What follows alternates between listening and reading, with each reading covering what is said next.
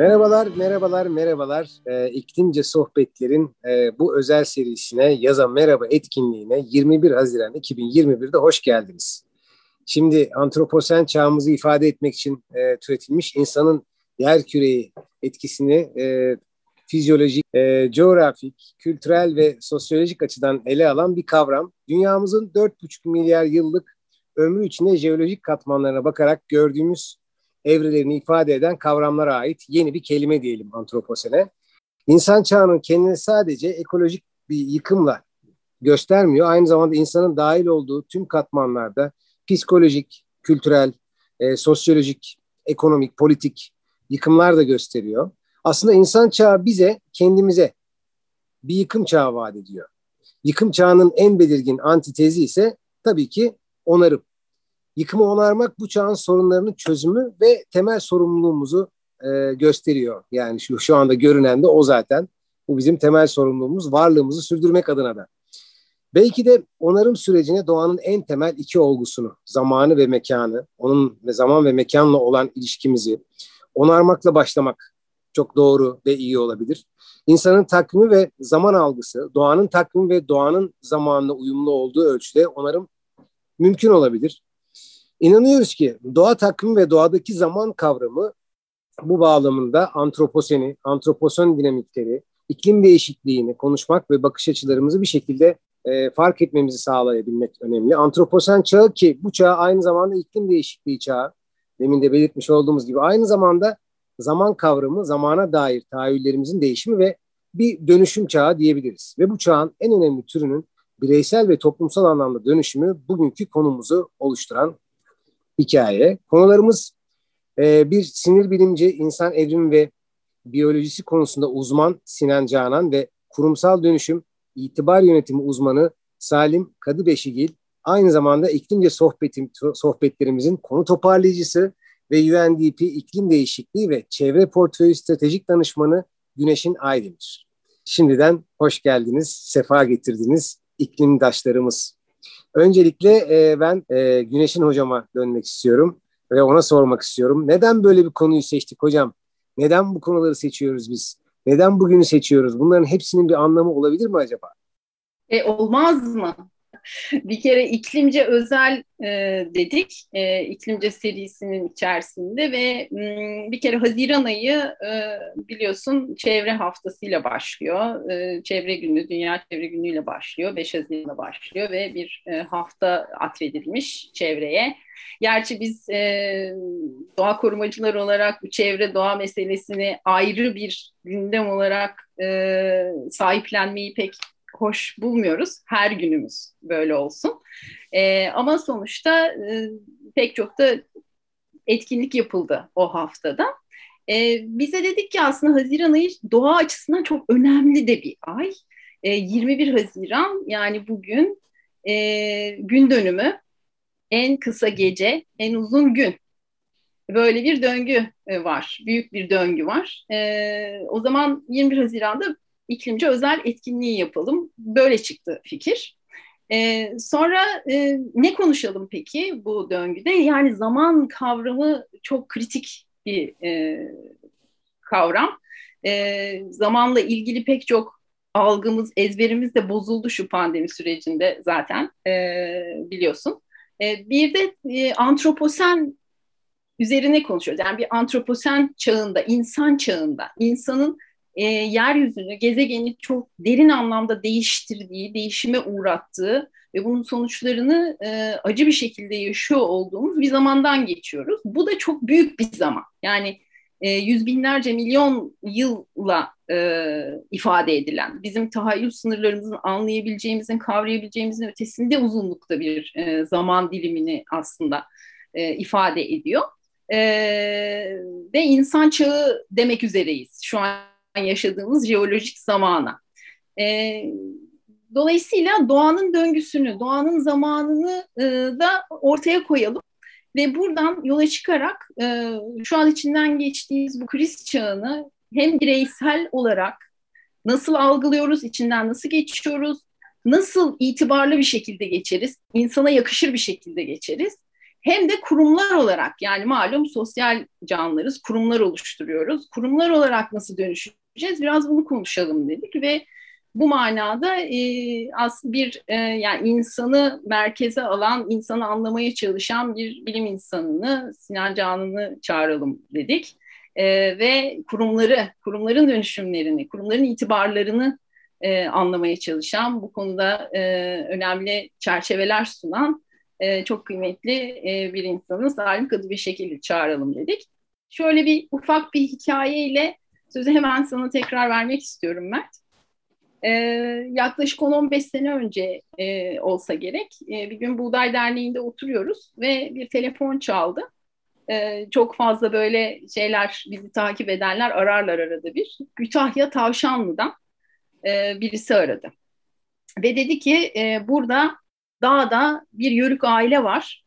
E, bunlar her sene e, Hıdrellez sabahı 5 Mayıs'a 6 Mayıs'a bağlayan sabah e, gün doğmadan kalkıyorlar. Bitkilerin üzerindeki çiğ tanelerini topluyorlar ve yoğurt mayası yapıyorlar. E, bu çok e, enteresan bir şey. Bunu hala devam ettiriyorlar. Sizin ilginizi çeker konular diye size haber vermeye vermek için aradım dedi. İhbar attı. Geleneksel bilgi ihbar attı olarak. Ve bir hafta sonra çok tesadüf Hıdır Ellez'di ve ben kalkıp gittim oraya. Ee, onlarla beraber bunu deneyimlemek için gittim. E, sohbet ediyoruz. Çok da tatlı bir aile. Yörük aile. Üç e, ocaktan oluşuyor. Üç haneden oluşuyor. E, ve dağın başında yaşıyorlar gerçekten. E, sordum e, Himmet amcaya. Dedim Himmet amca e, bu Hıdrellez'de olmasa başka bir zamanda olsa olur mu bu çiğ mayası? Valla denemesi bedava istiyorsan dene. Olmaz dedi. Peki neden olmaz ee, dedim. Çünkü Hıdrellez'de doğaya bir şey oluyor dedi. Ne olduğunu kendisi de tam tarif edemiyor. Ama çok iyi biliyor ki doğaya bir şey oluyor o tarihte. Ve dedi bu aslında yoğurt mayası değil. Yoğurt mayasını sizin gibi şehirliler bilir dedi yoğurdun damızlığıdır bu dedi. Yani eğer e, her sene e, Hıdrellez'de o yoğurdun damızlığını çiğlerden alıp yeni maya yapmazsan bir sene boyunca kullanacağın yoğurt mayan yok demektir dedi. Çünkü maya bir sene boyunca kullanılıyor ve eskiyor. Artık mayalama yeteneğini yitiriyor. O nedenle her sene yenilemek zorunda kalıyorlar.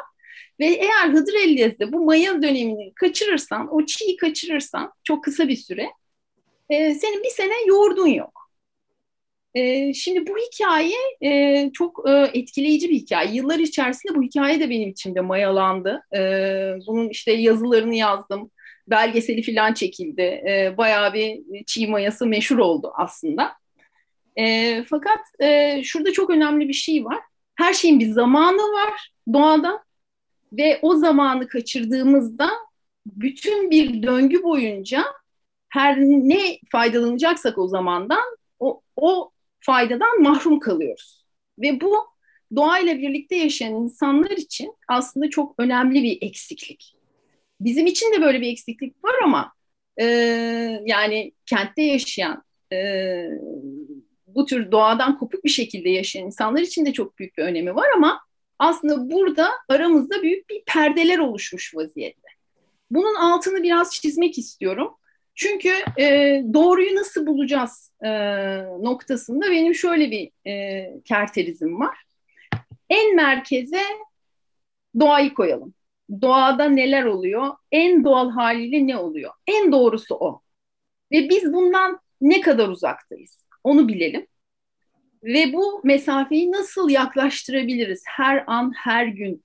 Gerek bireyler olarak, gerek toplum içerisinde temsil ettiğimiz diğer rollerimiz e, olarak e, fonksiyon ettiğimiz diğer rollerimiz olarak birazcık bunları konuşalım e, diye e, bugünü tertip ettik. İnşallah e, herkese güzel ilhamlar gelir bugün. Çok çok teşekkürler hocam. Vallahi şahane e, bir başlangıç oldu. Ben e, Shakespeare'den böyle çok e, böyle bu hazır 21 Haziranken de böyle bir küçük bir dem vurmak istiyorum kendisinden. Bir yaz gecesi rüyası biz kendi aramızda da o sohbeti yapmıştık e, sizden önce buluşmadan önce. e, beni çok heyecanlandırıyor. Çünkü böyle tam iki kademeye ayırıyor ve diyor ki en kısa gecenin rüyası aslında bütün hikaye. E, yani bir yandan da bir yaz gecesi rüyasında tam da böyle e, doğanın bize çok normal bir şekilde faş ettiği şeyin bizim insanın müdahalesiyle nasıl geriye döndürdüğünün de hikayesi aslında en kısa gecenin rüyası. Bir yaz gecesi rüyası diyelim orijinal ismiyle. Yani hani orada böyle bir e, şöyle bir hikaye var. O etkileyen yerini söyleyeyim ben. Tesus'un büyük bir imparator olduğu bir dönemde, bütün kararları kendi verdiği bir dönemde kendi kızına söz geçiremediği bir dünya var. Böyle çok ideal bir e, e, damat adayı var ama kızı başka birisine aşık olur. Hippolyta da annesi de aslında aşkın yanında durur ve der ki bırak çocuklar e, doğaya karşı gelme. Aşk bir doğa işidir. Bırak çocuklar kavuşsun.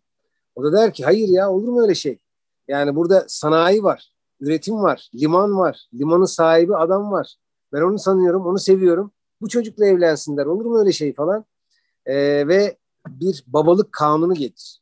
E, kral e, kendisi e, ve tek adam e, rejimi, o zamanlar tabii çok çağ dışı, tek adam rejimi var falan. Ondan sonra sadece onun e, sözüyle hareket edilir ve der ki hayır e, bir baba kanunu getiriyorum. E, benim kızım eğer benim sözüme uymuyorsa e, katli vaciptir der. Mümkün değil. Başka türlüsü olamaz falan. Ve bütün kurmaca da aslında o düğünün yapılacağı güne kadar olan süreci, bütün oyun o süreci gösterir bize. Ve en uzun gecedir. Yani en uzun gecede biz bu problemi çözdük çözdük çözemedik. Dünyanın sonu olacak. E, en azından e, zavallı e, Hermia için dünyanın sonu olacak. Yani dolayısıyla böyle bir Tesus'un e, Hippolyta'nın tam karşısına Tesus'un karşısına Oberon'u ve Titanya'yı koymuş. Ona da bir orman yapmış. O orman da işte Zeus'un ormanı, işte bütün o Titanya'nın, Oberon'un ormanı ve o karşıt güçlerin ve doğanın e, birbirine karşı e, mücadelesini anlatır. Ve görürüz ki hiç kimse en sonunda yenişemez ve doğanın istediği olur. Ben böyle hani kısaca özetlemiş olayım o tarafta. O en güçlü e, kral, o dönemin en güçlü yöneticisi bile e, aslında e, Titanya'nın e, tabiriyle dize gelir. Titanya'nın tabiriyle aşka yenik düşer ve e, baba kanunu koyulduğu yıl içinde e, yalan olur. Yani dolayısıyla e, doğa bize öğretiyor. Doğa bize diyor ki bakın e, böyle bir durum var. İnsanlık e, bir kayboluşla karşı karşıya olabilir, yok oluşla karşı, karşı karşıya olabilir iklime ve küresel ısınmaya itibar etmezseniz, bunun verilerini doğru anlamazsanız bu yıkım çok kalıcı olabilir. Ee, ve hani bunu ya yaşayarak anlarsınız, öğrenirsiniz. Bir gün bir kalkarsınız bir rüyadan. Aa artık orman öyle bir orman değil, hayat öyle bir e, hayat değil. Yaşam öyle bir yaşam değil. Sizin e, ne kadar iyi kanunlar koyduğunuzla ölçülmüyor. Çünkü doğanın kanunu var ve e, maalesef e, ya da bazen iyi ki acımasız olabiliyor. E, fakat yani tabii acımasızlık şuraya gelince bizim de canımız yanmaya başlıyor. İşte 5 yılda 200 milyon insan yer değiştirmek zorunda kalınca bizim de elimiz kolumuz bağlanıyor sadece iklim problemlerinden dolayı. Yani artık buzulların eridiği ve e, böyle e, hiç tanımadığımız virüslerin, e, mikroorganizmaların e, hayatımıza kadar geldiği ve eriştiği bir çağdayız. Yani artık Çin'deki e, biricik bir tekstil işçisinin e, Afrika'daki ya da işte New York'taki e, bir e, residence'da oturan kişinin derdi olduğunu artık anladığımız bir çağdayız. Ve iki yıl bunu çok güzel hızlandırılmış bir şekilde de öğrendiğimiz bir çağdayız. Ve çok ağır bir ders, çok ağır bedelleri oluyor. Ve yani kısacası şuna demek getirmek istiyorum yine Shakespeare'le e, güzel bir e, pas atmış olayım şimdiden Sinan hocama. Olmak ya da olmamanın yerindeyiz ya olmak ya olmamak ya var olacağız ya varlığımızı yavaşça sonlandıracağız. O e, uykudan uyanacağız. Yine Shakespeare'in o meşhum uyku, o mihnet tarazlarını düzelten uyku diyor. Mihnet tarazları da çok güzel kelime cümle gerçekten. E, artık o mihnet tarazlarını sadece uykuyla düzeltemeyeceğimiz, eyleme geçireceğimiz ve yaşamımızı e, somut anlamda değiştireceğimiz, kullanım tüketim alışkanlıklarını somut anlamda değiştireceğimiz e, çağdayız.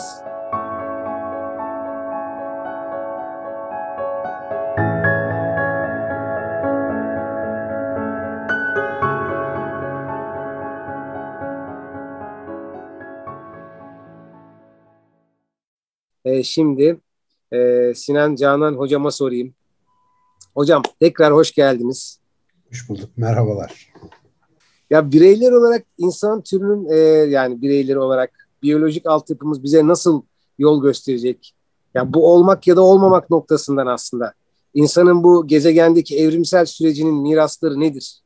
Biraz oradan girmek isterim. Ee, şimdi bizim kadim kültürlerin sıklıkla her devire, bu devire de dahil olmak üzere gönderdiği bir uyarı var. Kendini bil, kendini bil deyip duruyor herkes. kendini bil de işte aynaya mı bakalım, bir bilene mi soralım, nasıl yapalım yolunu da pek vermemişler. Herkes bununla uğraşıyor ve anladığımız şu ki insan kendini kaybettiği her an savaşı da kaybediyor. İşte bir yıkıntı haline geçiyor ve biraz önceki anlattığın işte Shakespeare'in e, kurgusunda olduğu gibi tabiatın kanunları her zaman bir şekilde bizi dövüyor. Çünkü biz ona bilmediğimiz bir yerden saldırmaya, onu zapturapt altına almaya çalışıyoruz. Kafamıza göre bir sistem yaratıyoruz. Bunu insanın tabiatını anladığımızda niye böyle yaptığımızı ve neden yapmamamız gerektiğini de aslında anlayabiliyoruz. Öncelikle şunu söyleyeyim, ben bir biyoloğum ama bir şehir çocuğuyum. Yani tabiata çok az temas ederek büyümüş. Hatta küçüklüğünde annesinin köyüne her yaz tatilinde gittiğinde tekrar şehir ve beton görmek için yanıp tutuşan ve bir otelde dönüş yolunda mola verdiklerinde mermerleri öpecek kadar medeniyete kavuşmanın heyecanını yüreğinde hisseden zavallı, garip, izole bir Matrix bebesiydim ben. Öyle derim kendime. Ve biyoloji okuduktan sonra da seneler içerisinde aslında buna aymam çok kolay olmadı. Yani orada öğrendiğimiz bilgilerin bir bilgeliğe dönüşebilmesi kolay bir şey değil. Yani kitapta yazanı bildiğinizde bu olmuyor. İşte daha sonra sınıf arkadaşım olan sevgili Güneş'in ve e, silah arkadaşlarının yaptığı çeşitli e, suç örgütü faaliyetleri neticesinde benim de zihnim bulandı ve bir dakika dedim ya bildiklerimizde bir hata var. Yani bir başka bir şekilde bakmamız lazım. Öncelikle sınırlılığımızı bir anlamamız lazım. 4,5 milyar yaşında bir dünyada 3,5 milyar yıldır var olan canlılık diye bir şeyden bahsediyoruz. 3,5 milyar yıldır devam eden canlılık cümlesinin hiçbir insan evladı için açık bir anlamı yoktur. Bunu anlayabilmemiz mümkün değildir.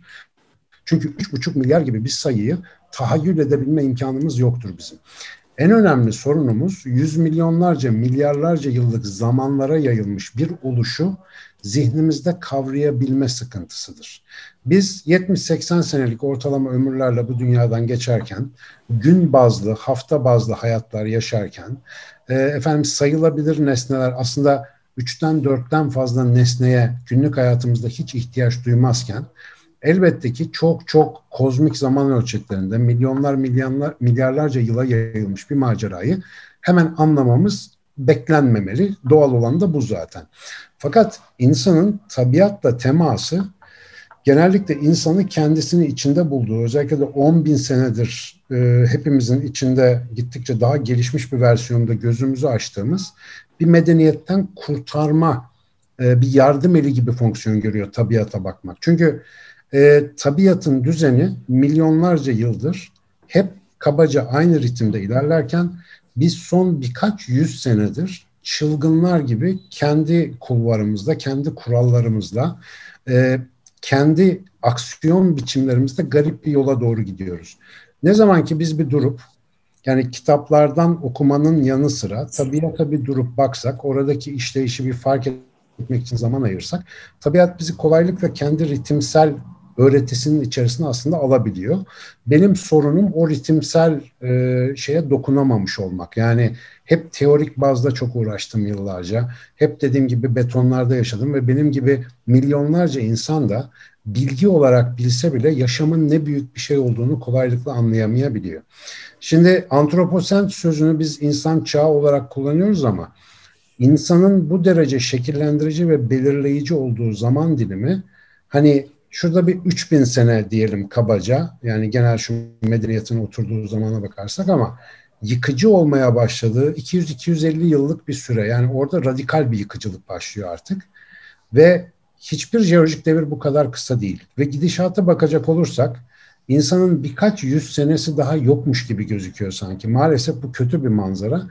Ve öyle bir şey olabilir ki dünya tarihinde insan gibi hani şu anda kendimizi bir yerlere koyamadığımız bu tür dünya tarihinde esamisi bile okunmayacak bir anomali olarak görünüp kaybolacak gibi gözüküyor.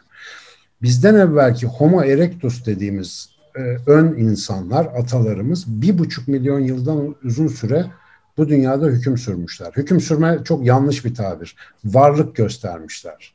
Bir buçuk milyon yıl çok uzun bir zaman bizim homo sapiens'in ortaya çıkışı 300 bin sene, modern insan 50 bin senelik, Göbekli Tepe 13 bin yaşında. Yani biz daha çok süt dişleri ağzında duran bir bebek gibiyiz evrimsel olarak. Çok çok yeniyiz ama yıkıcılık halimiz, kendimizi kendi tabiatımızdan koparış hızımız baş edilebilir gibi değil. Şimdi bu büyük sayıları ve büyük zamanları biyoloji bize öğretiyor. Evrim ve evrimsel biyoloji genel olarak bize miras aldığımız canlılık özellikleri hakkında bir fikir veriyor. Fakat sorun şu ki anlayamıyoruz. Yani bunu bilmek, anlayabilmek anlamına gelmiyor. E, bu bilgiyi bir bilgeliğe dönüştürmek lazım. Bu bilgelik için bir kötü yolu var bu işin. Kestirme ve kötü bir yol sille yemek. Yani biz bunu şu anda yiyoruz. Mert'in de söylediği gibi Covid'de de bu silleyi yedik. Müsilajla da yiyoruz. Her türlü sille sağdan soldan geliyor. Ama biz palyatif çözümlerle bu sillelerin e, acısını azaltmakla uğraşıyoruz. Medeniyet olarak genellikle böyle bir yolumuz var. Bir de zor yolu var ama büyük bir kazanım getiren bir e, yol bu.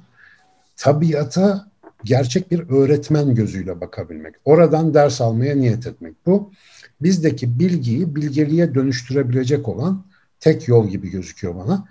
Biz bu zamansal sınırlılığı, e, doğanın ritmini anlayabilme konusundaki sınırlılığımızı fark etmek için biyolojinin bugün bize söylediği şeylere çok ihtiyaç gösteriyoruz. Yani ben şimdi mesela algımızın e, işte sınırları konusunda bir, bir coşsak burada. Hadi canım o kadar da olur mu dersiniz. Sırf görme duyusunun bile aslında yalan bir dünya resmi çizdiğini size hakikaten makul bir sürede bütün nörobilimciler çok doyurucu bir şekilde anlatabilirler. Bu gördüğümüz dünyanın bizim görme sistemimizin doğası nedeniyle gerçekle uzaktan yakından bir alakası olmadığını biliyoruz biz. Yani çok çarpık bir algımız var. Bütün canlıların beyinlerinde olduğu gibi bizim beyinde işimize yarayacak bir temsil gösteriyor. Ve bu temsil tamamen 200 bin sene önce doğada zayıf ve çıplak bir bedenle hayatta kalmaya çalışan bir canlının en iyi şekilde işine yarayacak bir biçimde ayarlanmış, milyonlarca yıllık doğal seçilim sürecinde bir optimal duruma getirilmiş bir sistem. Fakat biz bu sistemle yani atalarımız tabiatta gayet başarılı bir şekilde hayatta kalırken bir şey oldu. Biz üretim yapmaya başladık. Biz mülk edinmeye başladık. Biz dünyayı radikal oranda dönüştürecek teknolojiler yapmaya başladık milyonlarca yıl gerektiren evrimsel süreçlerin yaratamayacağı değişikliği birkaç bin sene içerisinde kendi ellerimizle yarattık. Biyolojik olarak buna adapte olmamız da mümkün olmadığı için kısmi zihinsel adaptasyonlarla yani yeni çıkan bir teknolojiyi kullanmayı öğrenerek falan mesela avcı toplayıcı zihnimizin dayatmaları arasında sıkıştık kaldık. Bugün mesela eğitimde e, işte iş dünyasında her yerde çok tekrarladığımız bir slogan var bizim açık beyin olarak. Bugünün sorunları yokluk sorunları değil çokluk sorunlarıdır. Çok fazla var. Her şeyden çok fazla var. Bu kadar seçeneğin olduğu yerde kararsız kalmamız, bu kadar iletişim teknolojinin olduğu bir yerde bu kadar yalnız olmamız gibi gibi sayısız örnek bize çokluk içinde yaşamaya uygun bir canlı olmadığımızı açık bir şekilde gösteriyor. Ve işte bu kendini bil, kendini bil uyarılarının bu dönemde yeni bir rengi var artık. Özellikle bu çokluklar dünyasının illüzyonundan çıkıp çok temel bir gerçeği fark etmemiz lazım. Ee, benim fark ettiğim zaman hayatımı çok acı yönde dönüştüren bir farkındalıktır bu. Biyolojik bir canlı olarak insanın bu dünyaya hiçbir faydası yokmuş. Onu anladım. Biyolojiyi bitirdikten yıllar sonra. Bütün diğer canlılar çevrimin çok önemli bir parçasıyken bizim hiçbir faydamız yok abi. Hiçbir faydamız yok. Ve sadece zararımız var. Yani sırf yaşamakla zarar verebilecek bir pozisyona da kendimizi taşımışız. Özellikle kültürel evrimimizin sonucunda. Ama hiç mi faydası yok? Yani Türk gibi sorayım. Hiç mi yok faydası? Var ya bizde öyle bir soru. Hiç mi kalmadı falan gibi. Aslında var. Zararını fark ettiği anda faydası başlayan bir canlı insan. Çünkü zararını onarıma dönüştürebildiği için, e, imara, inşaya dönüştürebildiği için fayda üretebilecek bir canlı. Ama bu potansiyel olarak var. Yani annesinden doğduğu anda yok bu. bilgeleşmesi gerekiyor dünya hakkında. Önce öğrenmesi sonra bilgeleşmesi lazım.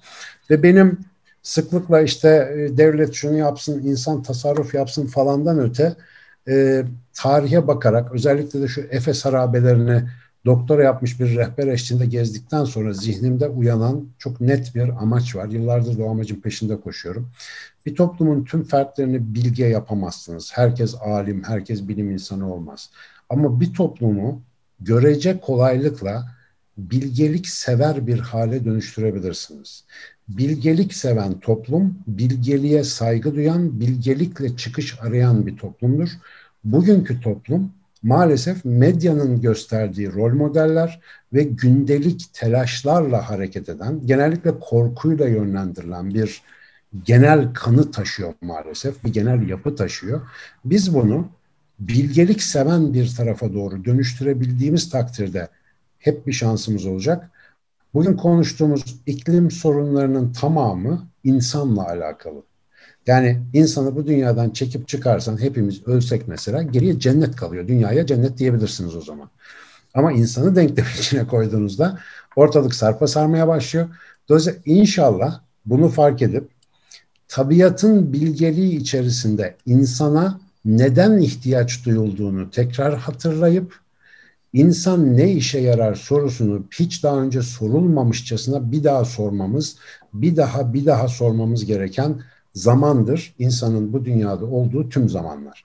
Çünkü biz her zaman ne için burada olduğunu unutan bir varlığız. Bana sorarsanız benim bugün cevabım imkansızı becermek için tasarlanmış bir canlıdır insan. Bu zayıf ve çıplak bedenle bu dünyada hayatta kalmak imkansızdır. İnsan bunu becersin diye müthiş bir akıl ve zeka ile donatılmıştır. Ama bu akıl ve zekası bugün internette trollük yapmaya yarıyor ki bu da işin hazin tarafıdır diye düşünüyorum açıkçası. Ee, mesela bu devirde gördüğüm en önemli tehlike gündemsiz, dertsiz, boş insan ve sınırsız internet kombinasyonu korkunç bir kombinasyon. Yani ortaya ne çıkacağını tahmin edemezsiniz ve insanın zararının en derin, en yaygın olabileceği bir zamandan geçiyoruz.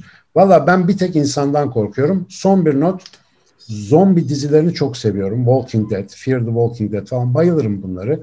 Walking Dead'i iki tur izledim. Sebebi de şu. Zombileri asla üçüncü bölümden sonra zombi olarak göremiyorum. Zombiler bizim oluşturduğumuz kalabalıklar gibi geliyor bana. Ve o hani aralarında kalırsan seni yiyorlar ama yoksa normalde çok yavaş hareket ediyorlar. Hani yürüsen kaçarsın ama öyle bir aptallık yapmalısın ki o tan tantanın içinde kalmalısın gibi bir metafor ışığında izlediğinde bana çok fazla şey öğretiyor. Bilmiyorum senaristlerin böyle bir niyeti var mıydı ama ben bunu tamamen bir e, insanın toplumsal evrim alegorisi olarak okumayı seviyorum. Ve oradan öğrendiklerim bana şunu gösteriyor. Orada dikkat edin bütün zombi dizilerinde birkaç bölüm sonra artık zombilerden çok normal insanlardan korkmaya başlıyorsunuz. Çünkü insanın kötülüğü zombinin o yeknesak ve dürtüsel e, korkutuculuğunun çok ötesine çıkabiliyor. İşte buradaki insanın içindeki melek ve şeytan tartışmasını kalabalıkların dışında, toplumu bahane etmeden, kamuoyuna yaslanma ihtiyacı duymadan daha nesnel bir yerde tartışabilsek ve bunun güzel rol modellerini, e, uygulanış biçimlerini, iyi örneklerini elimizden geldiğince paylaşsak çok iyi olacak gibi. Özetle iyiliği yükseltmemiz gereken bir zamandayız. Kötülük zaten köpük köpük her yerde birikiyor, müsilajda olduğu gibi. Bizim iyiliği yükseltmemiz gereken bir zaman. Buna vesile olduğunuz için hepinize çok da teşekkür ederim bu arada. Siz iyiliği yükselten insanlarsınız mesela. Ben öyle görüyorum. Sağ olun hocam. Çok teşekkür ederiz. Valla e, şahane bir konuşma oldu galiba hani geri döndürülemez en büyük şeylerden bir tanesi, zararlardan bir tanesi bu insanın doğaya verdiği zarar. E, fakat biz hep şunu unutuyoruz. Bu, bu yok oluş, aslında Sinan Hocam da söyledi, bu yok oluş sadece insanın yok oluşu. E, gezegen her daim kendine bir yol buldu.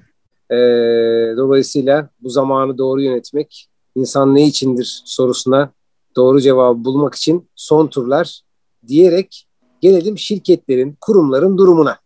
Peki biz insanlar olarak bunları yapıyoruz da hani bu atıklardan tutun da dünyaya etkiye kadar devletlerden büyük şirketler var.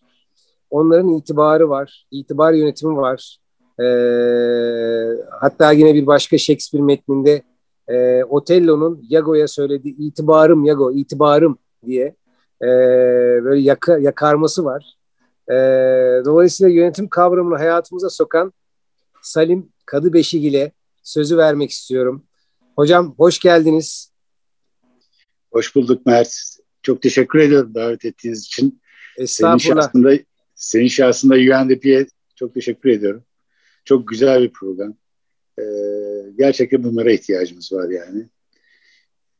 Ee, sen bir şey soracak mısın? Ben Evet hocam ben bir, bir başlangıç yapmak istiyorum. Eminim e, siz böyle zaten bütün soruları neredeyse cevaplamış olacaksınız başlayınca. Ama ben böyle bir iki başlık üzerinden takıldığım yerde e, ara ara girip sorularımı soracağım. Kurumların itibarı konusunda Güzel. aslında biz, ne, biz neredeyiz? Bir onu merak ediyorum. Yani sizin müsilaj üzerine kurduğunuz bir analoji de var. E, çok da ses getirmiş ve yerine cuk oturmuş. Bununla başlayalım isterseniz. E, Valla güzel bir soru. E, yani çok kısa bir cevap var bunun. Kurumların karakterine müsilaj bulaştığı için bu çok ciddi sorunlar yaşıyoruz. Sanayi devrimi sonrasında bu tüketim toplumu olma adına ahlakı bir kenara itince tabii, e, ahlakı tüketince önce, e, arkasından e, hayatın her bir tarafına müsilajı bulaştı. Yani deniz salyası dediğimiz şey belki yani e, elle tutulur, gözle görülür bir şekilde gündeme girdiği için e, şöyle bir şaşkınlık yaşıyoruz ama 20. yüzyılda şirketlerin karakterine müsilaj bulaştığı için dünyanın şarkülü şaştı. Öyle söyleyeyim yani. Bu, bu neyle oldu? Yani hayatın her tarafında var. Yani geçtiğimiz 20 e, yıl içinde mesela Amerika Birleşik Devletleri'nde üretilen bu baş ağrısı ile ilgili aynı zamanda uyuşturucu etkisi olan bir ilacın e, reçeteli olmasına rağmen e, çok ciddi sağlık sorunlarına yol açması neticesinde e, 400 bin kişiden fazla insan öldü yani. Yani bu işte e, karaktere müsilajın bulaştığı göstergelerden bir tanesi. Geçen hafta Oksijen Gazetesi'nde vardı mesela Financial Times'dan onlar da alıntı yapmışlar. Dünyanın en büyük gıda şirketlerden bir tanesinin ürünlerinin yüzde altmış yani sağlıksız. Yani bu dünyanın en büyük gıda şirketlerinden bir tanesi. Yani bu nasıl olabiliyor? İşte e, şirket yönetiminde müsilaj bulaşınca e, böyle oluyor yani. Sonuçta e, bu şirketleri yöneten CEO'ların karakterine müsilaj e, bulaşınca onlar da reklam dağıtı ilişkilerdi, markaydı gibi e, ulvi kavramlarla e, kol kola girip işbirliği içinde e, tüketim toplumunun gereklerini yerine getirmek konusunda ciddi bir e, gündem yaratıyorlarsa e, müsilajlı bir yaşamın içinde biz de nefes almaya çalışıyoruz yani. Yani temel mesele burada e, yani şunu hatırlıyorum mesela seninle konuşurken e, dünyada sürdürülebilir insani gelişimin lansmanı 1992 yılında Birleşmiş Milletler tarafından Rio'da yapıldı ve üye ülkelerin devlet başkanları sürdürülebilir insani gelişim e, bildirisine imza attılar yani. Şimdi o toplantıda 11 yaşında e, Kanadalı bir kız tüm delegasyona yönelik 9 dakikalık bir konuşma yaptı. Kimdi bu? Evren Suzuki. Ve bugünü anlattı aslında o 19 dakikalık konuşmasında. Yani ey siz devletleri yönetenler eğer zaten çok geç kalmış olan bir gündemi yakalayamazsınız, e, alınması gereken kararları ertelerseniz, başta e, karbon salınımı olmak üzere, su meselesi olmak üzere, plastik meselesi olmak üzere ama bunların hepsinin ötesinde insan hakları konuları olmak üzere bu konularda yeterli önlemleri almazsa bu gezegenin gidişatı pek de iyi değil şeklinde bir konuşma yaptı. YouTube'da duruyor bu konuşma hala da. Ama neyi anlatıyordu? Bugünleri anlatıyordu yani.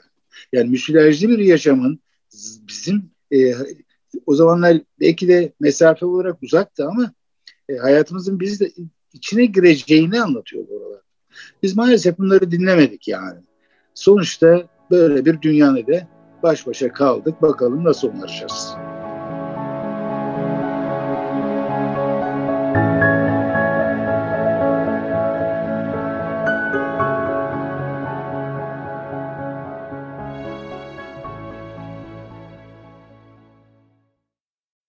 Bir yazınızda hocam diyorsunuz ki meaningful company'den bahsediyorsunuz.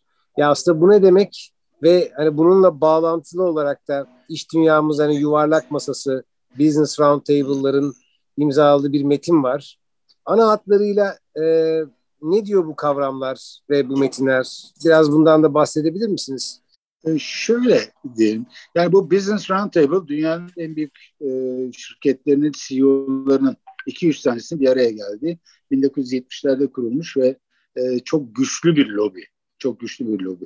Bu 2019 yılında e, ben dahi birçoğumuzu şaşırtacak bir şekilde bir bildiri yayınladı. Dediler ki biz dediler corporate purpose, şirketlerin amaçlarını, misyonlarını değiştiriyoruz dediler. Tanımını değiştiriyoruz dediler.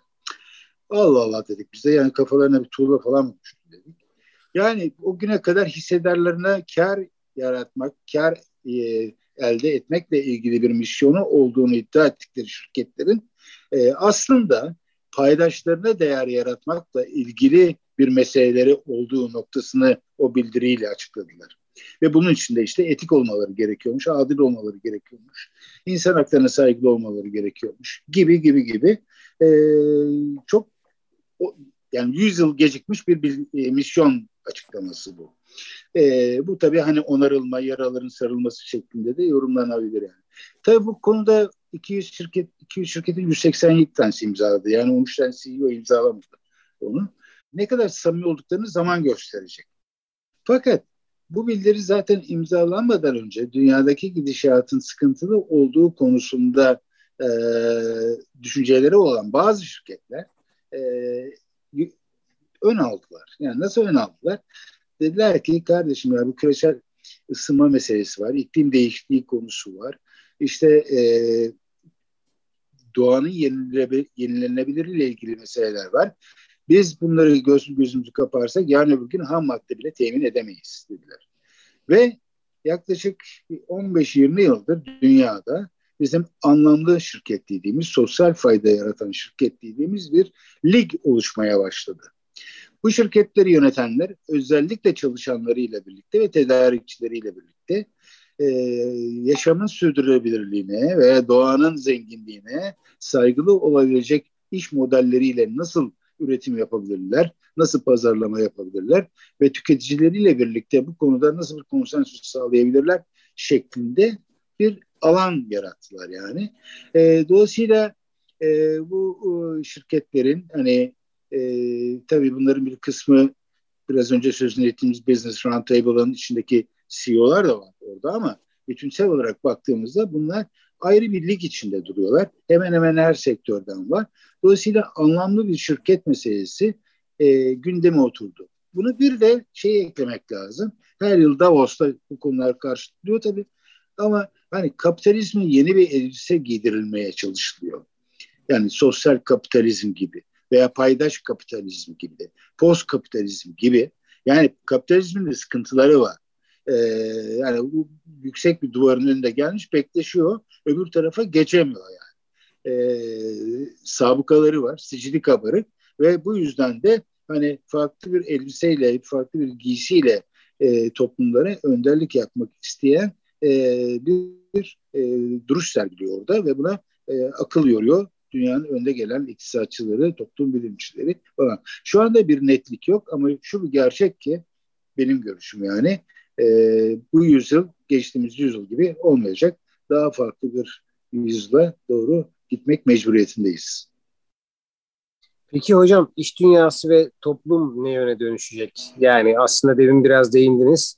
Yani bir makalenize de e, Wikipedia topluma dönüşmek diyorsunuz. Yani bununla evet. neyi kastediyorsunuz aslında? O benim rüyam. çünkü, çünkü bakın çok basit bir şey aslında. Çok basit bir şey. Ülkelerin gelişmişliklerini e, Amerikan doları cinsinden kişi başına elde ettikleri gelir cinsinden ölçmeyi bıraktığımız gün zaten Wikipedia toplumuna dönüşmeye başlarız yani. Bunun en güzel örneklerinden bir tanesini şu anda e, Benefit Corporation olarak tanımladığımız B plus şirketler deniyorlar yani yapıyorlar. Bunlar aslında e, kar amacı güden e, vergiden muaf değil Ondan sonra klasik bir şirket yapısı içinde ticari bir döngüsü olan şirketler. Ama tek amaçları kar maksimizasyonu değil. Toplumsal bir faydaya hizmet etmenin de peşinden gidiyorlar. Yani e, burada e, ticaret yapıyorlar ama sosyal bir amacın içinde bir şeyi sonuçlandırdıkları zaman orada insan da kazanıyor, gezegen de kazanıyor, doğa da kazanıyor. Ve bunların sayıları çok ciddi bir şekilde artıyor. Yani şu anda benim bildiğim kadarıyla 70 ülkede e, 3500'den fazla bir korp var. Türkiye'de de var yani. Şimdi bunlar e, önce para, önce insan, sonra gerek kalırsa ekolojik çevre olan 20. yüzyıl anlayışını önce gezegen, sonra üretim için ihtiyaç duyulan ham maddelerin ekolojik veri tabanı ve sonra insan gerek kalırsa para şekline dönüştürecek bir şeye ihtiyacımız var. Şimdi ben bir yazı yazmıştım onu hatırlattınız bana. Yani enerji, su, tohum ve farma üretim ve pazarlama ile ilgili konular bedava olursa dünyada. Yani enerji, her türlü temiz enerjiden bahsediyor tabii. Su, tohum, farma ürünleri, ilaç ve sağlık yani. Bedava olsun. Kimse bunlar için para ödemez. O zaman nasıl bir dünya içinde yaşayacağımızı bir ütopyasını e, kurgulayabiliriz yani. Bundan 10 yıl önce çünkü şöyle bir konuşma yapmıştım. 100, 100 yıl sonra ilaç şirketleri kalacak mı diye bir konuşma yapmıştık.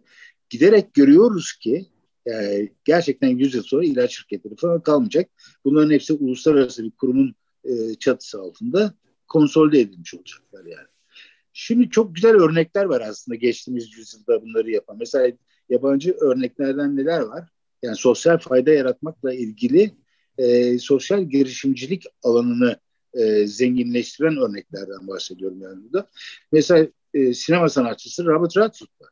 Yani Hollywood'a rakip bir yerin e, olması gerektiği konusundaki iddiasını işte Sundance diye bir kooperatif benzeri bir yapıyı kuraraktan gerçekleştirdi ve gerçekten bağımsız sinemanın merkezi haline dönüştürdü onu.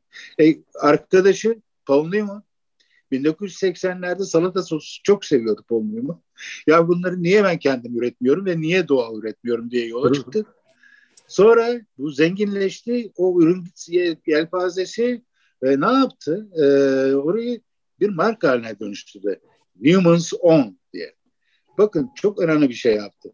Elde ettiği karın tamamını sivil toplum kuruluşlarına bağışlıyor. Hala da Paul Newman öldü gitti ama kurduğu vakıf bu işe devam ediyor. Ve 80'lerden bu yana 500 milyon doların üstünde bir parayı sivil toplum kuruluşlarına aktarmış yani. Veya işte Bangladeş'te bankacı mikro kredi icat eden Muhammed Yunus Nobel Barış Ödülünü aldı 1994'te. Çok önemli. Bu dünyanın bu insanlara ihtiyacı var yani. E, yani ben, mesela benim yaşadığım Çeşme Yarımadası'nda işte Badenler Köyü Kalkınma Kooperatifi var. Wikipedia'nın toplumuna çoktan dönüşmüş bir yer. İçinde 1930'lu yıllardan bir tiyatrosu var ve köy köylülerin her bir tanesi ya marangoz ya sahne kostümleri yapıyor ya oyuncu ya senaryo yazarı ya yönetmen. Yani böyle bir 1930'lardan bu yana bunu devam ettiren köyden bahsediyoruz. Yani. Aynı zamanda gelir temin edici faaliyette var. Hemen ötesinde Gödence yapı kooperatif var. İşte zeytinyağında çok önemli markalardan bir tanesi oldu. Biraz yukarısında Tresut kooperatif var. Bunlar Wikipedia toplumuna dönüşmüş zaten şeyler. E, Bayındır'da bizim Uygar Özesmi'nin e, kurduğu Good for Trust yani türetici e, diye bir kavram icat etti. Yani tüketiciyle üreticiliği buluşturan bir kavramı icat etti. Veya AYDER Alternatif Yaşam Derneği Kaş'ta Düşler Akademisi'ni kurdu. Engellilerin yaşamla buluşmasını sağlayacak alanların önünün açılması konusunda çok önemli çalışmalar yapan yerler. Bunlar işte yani Wikipedia toplumunu e, gerçekten e, para dışında çok da önemli meselelerin hayatımızın içinde olması gerektiğini e, vurgulayan örnekleri diye sayabilirim. E, senin var işte ihtiyaç haritası. Bun, bunlar hepsi bu düşüncenin içinden gelen örnekler. Yani orada o malzeme, o DNA bu şekilde donatılırsa ürünleri de bunlar oluyor. Onu söylemek istiyorum. Hocam e, tam Bademler Köyü e, köy enstitülerinin zaten ilhamı benim için yani birçok şey ihtiyaç haritası Ali Ercan için de öyle. O da bir köy enstitülü e, babanın e, oğlu. E, bir halk evci e, evet. köy enstitüleri yani aslında kolektife birlikte üretime e, ve ihtiyacımız kadar tüketime inanan bir kültür. Tam dediğiniz gibi aslında bir tarafıyla e, o kültürün hala dünyada mirasını yiyoruz aslında bir şekilde. E, çok çok teşekkürler e, teşekkür kaçıcı e, konuşmalarınız için Sinan Hocam, Salim Hocam. Şimdi e, yavaş yavaş Güneş'in hocamı e, içeri almak istiyorum ama öncesinde sorularımız var mı? Güneş'in hocam da bizimle birlikte olabilir. Evet gelen bir sorumuz var. Sabahat Çelikcan e, doğaya itibarını insan mı verecek ya da doğa doğal felaketlerle insanların itibarını korumak için önlem almasını mı bir şekilde sağlayacak diye Sabahat Çelikcan bir soru sormuş. Ee, sorunun muhatabı ortaya. Ee, ne diyorsunuz Güneşin Hocam? Valla e, yani biz kimiz ki doğaya itibarını verelim evet. yani önce Salim bir hocam. için şu şey neydi ya? Bir doğa hakları bildirgesi mi ne bir şey vardı bir dönem. Evet. Manifesto gibi evet. Böyle tüylerim diken diken olmuş sen söyleyince. Doğanın var hakkı vardır. Öyle başlıyor. maddesi doğa evet doğanın e, korunması gerekir. Doğanın korumaya hakkı vardır gibi. Doğanın hakları vardır. Var, doğanın var olma hakkı vardır diye bir birinci madde var. Yani gerçekten bu e, Michael Douglas'ın e, bir filmi vardı ya trafikte çıldırıp ona buna kurşun yağdırıyordu falan. Kendimi bir anda öyle hissetmiştim. Yani bir insan nasıl böyle bir maddeyi yazabilir? Hangi doğa? Sen kimsin? Neredeyim ben? Hangi gezegendeyiz biz? Yani bu kadar kopuk olduğumuzun izharı olması gerçekten çok vurucuydu benim için. Seni de dönüştüren metinlerden biri oydu yanlış hatırlamıyorsam. Yani seni de bayağı sinirlendirmişti. Evet. Hani yani, itibar vermek falan o değil. Söke söke alır yani. Hiç başka evet. bir yok mu? Salim Hocam siz ne diyorsunuz? Şimdi e, tabii e, iki, cümlenin içinde itibar geçtiği için benim bir şey söyleyeyim. evet o yüzden e, şimdi e, doğanın itibarı dediğim şey kutsal bir şey. Çünkü o olmadığı zaman ortada konuşacak bir şey kalmıyor yani. E, dolayısıyla doğa kendi itibarını bir şekilde yönetiyor. Eğer onu göz ardı ediyorsak e, gereğini de yapıyor yani. Yani Gümüşhane'de işte dere yatağına yapılan konutlar örneğinde de karşımıza çıktığı gibi. Yani siz doğaya e, doğanın beklentisine e, şimdi itibarın çıktısı güven içeriği ne? Saygı. Şimdi siz ona saygı duymuyorsanız o saygının karşılığında hani saygısı ne kadar itibar edilmesi gerektiği konusundaki cezasını biletini kesiyor yani. E, dolayısıyla burada doğanın üstüne zaten tartışacak bir şeyimiz yok yani. Çünkü e, yani şu anda iklimle ilgili meseleyi konuşuyoruz ama e, kapımızda bekleyen kuraklık konusu yani e, tartışmaya başladığımız andan itibaren orada doğanın dışında her şeyin itibarını konuşabiliriz. Ama orada asıl olan ensemizde demokrasinin kılıcı gibi asıl olan şey doğanın kendi kanunları yani. E, sizlerin de söylediği gibi insanlık tarihi boyunca insanoğlu doğaya karşı hep mücadele etmiş ama hiçbir tanesini kazanamamış yani. yani böyle de bir gerçek var yani. Evet. Güneşin hocam e, başka sorumuz yok. O yüzden hani sizinle devam edelim. Ee, yani aslında ben hani toparlayıp madde madde halinde bir şeyler söylüyorum hep ama ya o kadar güzel anlattılar ki e, hem Sinan hem Salim e, o nedenle çok da fazla söyleyecek bir şey yok bir yandan. Ama şu e, şeyleri e, altını birazcık çize çize e, üstünden geçeyim kısaca. Yani öncelikle bir kere senin bu bir yaz gecesi rüyası yani Shakespeare'in e, senin aracılığınla yapılan analizi diyeyim. Çünkü bence bu analizleri e, bu bağlamdan bakınca yapıyoruz bir yandan da. Yani çok kıymetli buluyorum. E, çözüm en kısa gecede bulunacak.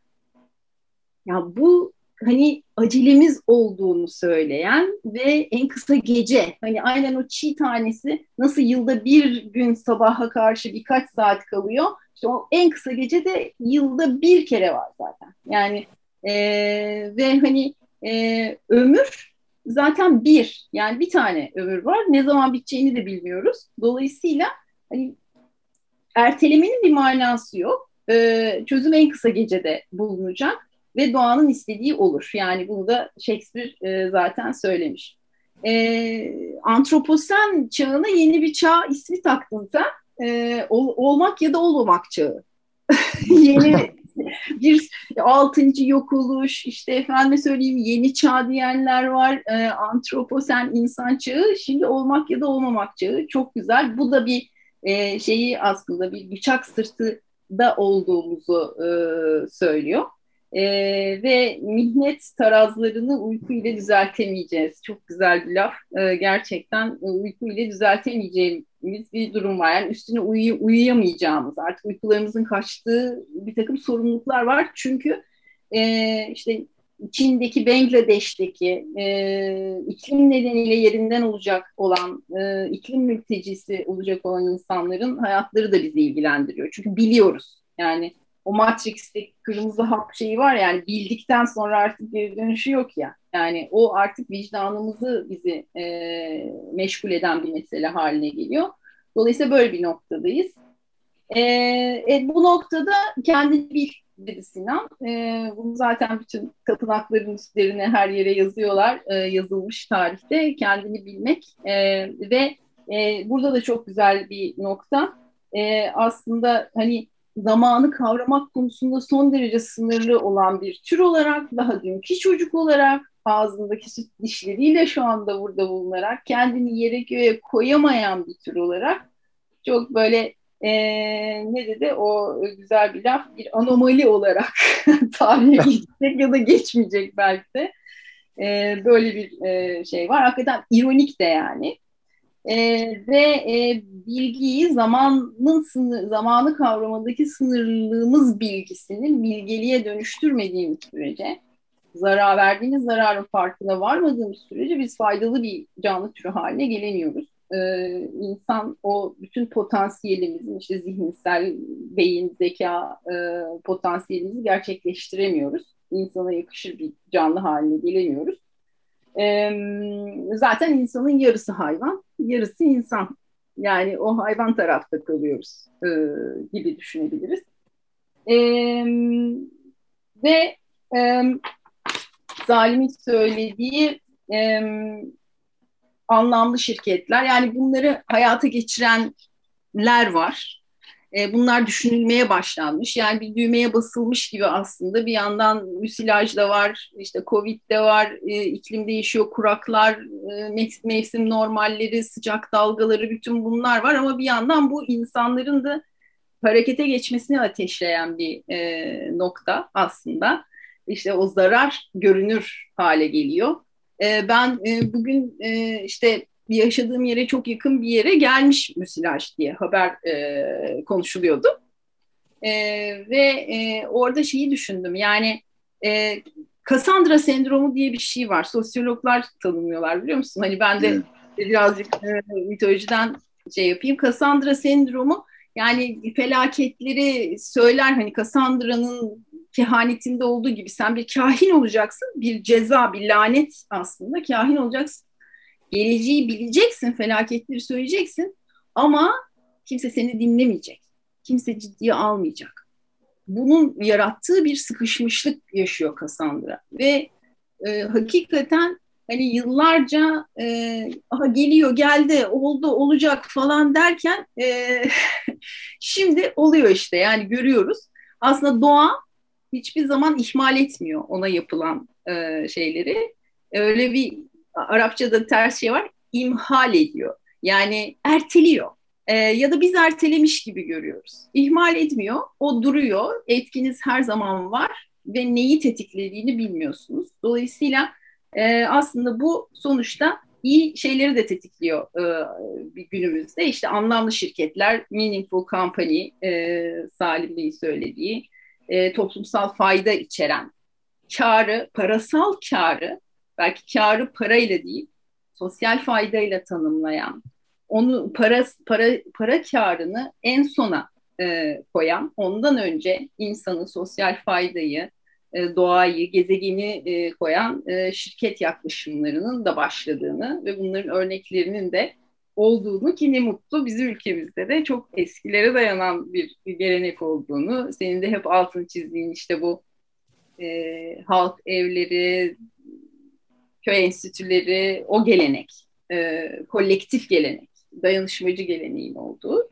bir zamana doğru bir grup olarak ilerliyoruz galiba bu çabalarımızla. İnşallah ne diyeyim hmm. yani muvaffak oluruz mu diyeyim. Benim aklıma bir şey daha geldi.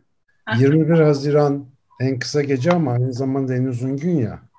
Uyursan zaman çok kısa, çalışırsan yapabileceğin çok şey var mesajı da var bence 21 Haziran. Evet. Gündüzcü canlılar olarak bunu dikkate almamız gerekiyor diye düşünüyorum. Evet, en uzun gün aynı zamanda. Ben evet. Güneş'in söylediklerine katkı yapabilir miyim? Yani? Tabii ki, tabii ki. Lütfen hocam. Evet, evet. Lütfen. Şimdi geçen yüzyılda tamam bir tüketim toplumu olma adına şirketlerin karakterini müsilajlaşıp ama şimdi bu yüzyılda hani olmak ya da olmamak meselesine doğru yol alırken e, alt tarafta da yapay zeka dünyası içinde e, bu işleri yapacağız ve yöneteceğiz. En korktuğum şey de bu. Neden? Yapay bile olsa zekanın öbür ucunda insan var. Yani. Şimdi ben bunu anlatmak için, yani burada da çok ciddi bir tehlike var. Onu anlatmak için şöyle bir analoji yapıyorum. Olabilecek en ileri teknolojinin olduğu bir kumanda odasına girdik. Ortada kocaman kırmızı bir düğme var. Bu düğmeye bastığımız anda işte dünya toz bulutu dönecek e, yaşam sona erecek. insanlık falan bitecek yani. Şimdi soru şu. Bu kırmızı düğmeye basma olasılığı olan robotları üretecek robotları, denetleyecek olan robotları hangi robotları üretecek? Bir daha okuyorum. Kırmızı düğmeye basma olasılığı olan robotları üretecek, robotları denetleyecek olan robotları hangi robotları üretecek? Ve bu robotları üretecek olan şirketin CEO'sunun vereceği karar hangi ahlaki ve etik değerlerden beslenecek? Bu ikinci kısmı tamir edemezsek pek de iyi bir yere gidebileceğimizi ben düşünmüyorum. Bu kadar. Hocam buna da bir terminoloji önerim var. Biz zaten yapay zekadan değil, işte fikrini değiştirmeden değiştirmeyen yatay zekadan korkuyoruz her zaman. Yatay her şey, yatay hiyerarşi evet ama yatay zekaya hayır. Aynen. Aynen. Aynen katılıyorum. Evet şahane şahane yerlere gidiyor. Şahane e, bağlantılar oluştu. Vallahi hiç bitmesin istiyoruz bir yandan e, ama e, bitiyor. E, sonlu her şey gibi e, zamanı iyi yönetmemiz gerektiği gibi insan ömrü gibi e, Sinan hocamın e, Salim hocamın işaret ettiği gibi 70 yıl 80 yıl iyi ihtimalle çok iyi örnekler olursa 100 yıl falan Hani işte onlardan da Türkiye'de bile 13 bin kişi varmış. 100 yılın üstünde yaşayabilmiş. Dolayısıyla e, ağırlıkta Karadeniz'de. E, onu da belirtmiş olalım. E, velhasılı e, bunların hiçbiri şu anda şu koşullar içinde veri bile e, sayılmazlar. Çünkü çok az zamanımız kaldı. E, biz de bu, bu alanda kapladığımız, e, aldığımız zaman da çok kısıtlı ve kapladığımız alan da öyle. E, bir an önce bir şeyler yapmanın zamanıdır. Anlamlı tüketimin, e, türetimin e, zamanıdır e, diyerek herkese tüm çok ekibe çok çok teşekkürler. Katkı sağlayan, bizi sizlerle buluşturan UNDP'ye çok teşekkürler. Ee, Sinan Hocama, Salim Hocama ve Güneşin Hocama çok çok teşekkürler. Sevgiler. İklimle kalın, iklimce kalın efendim.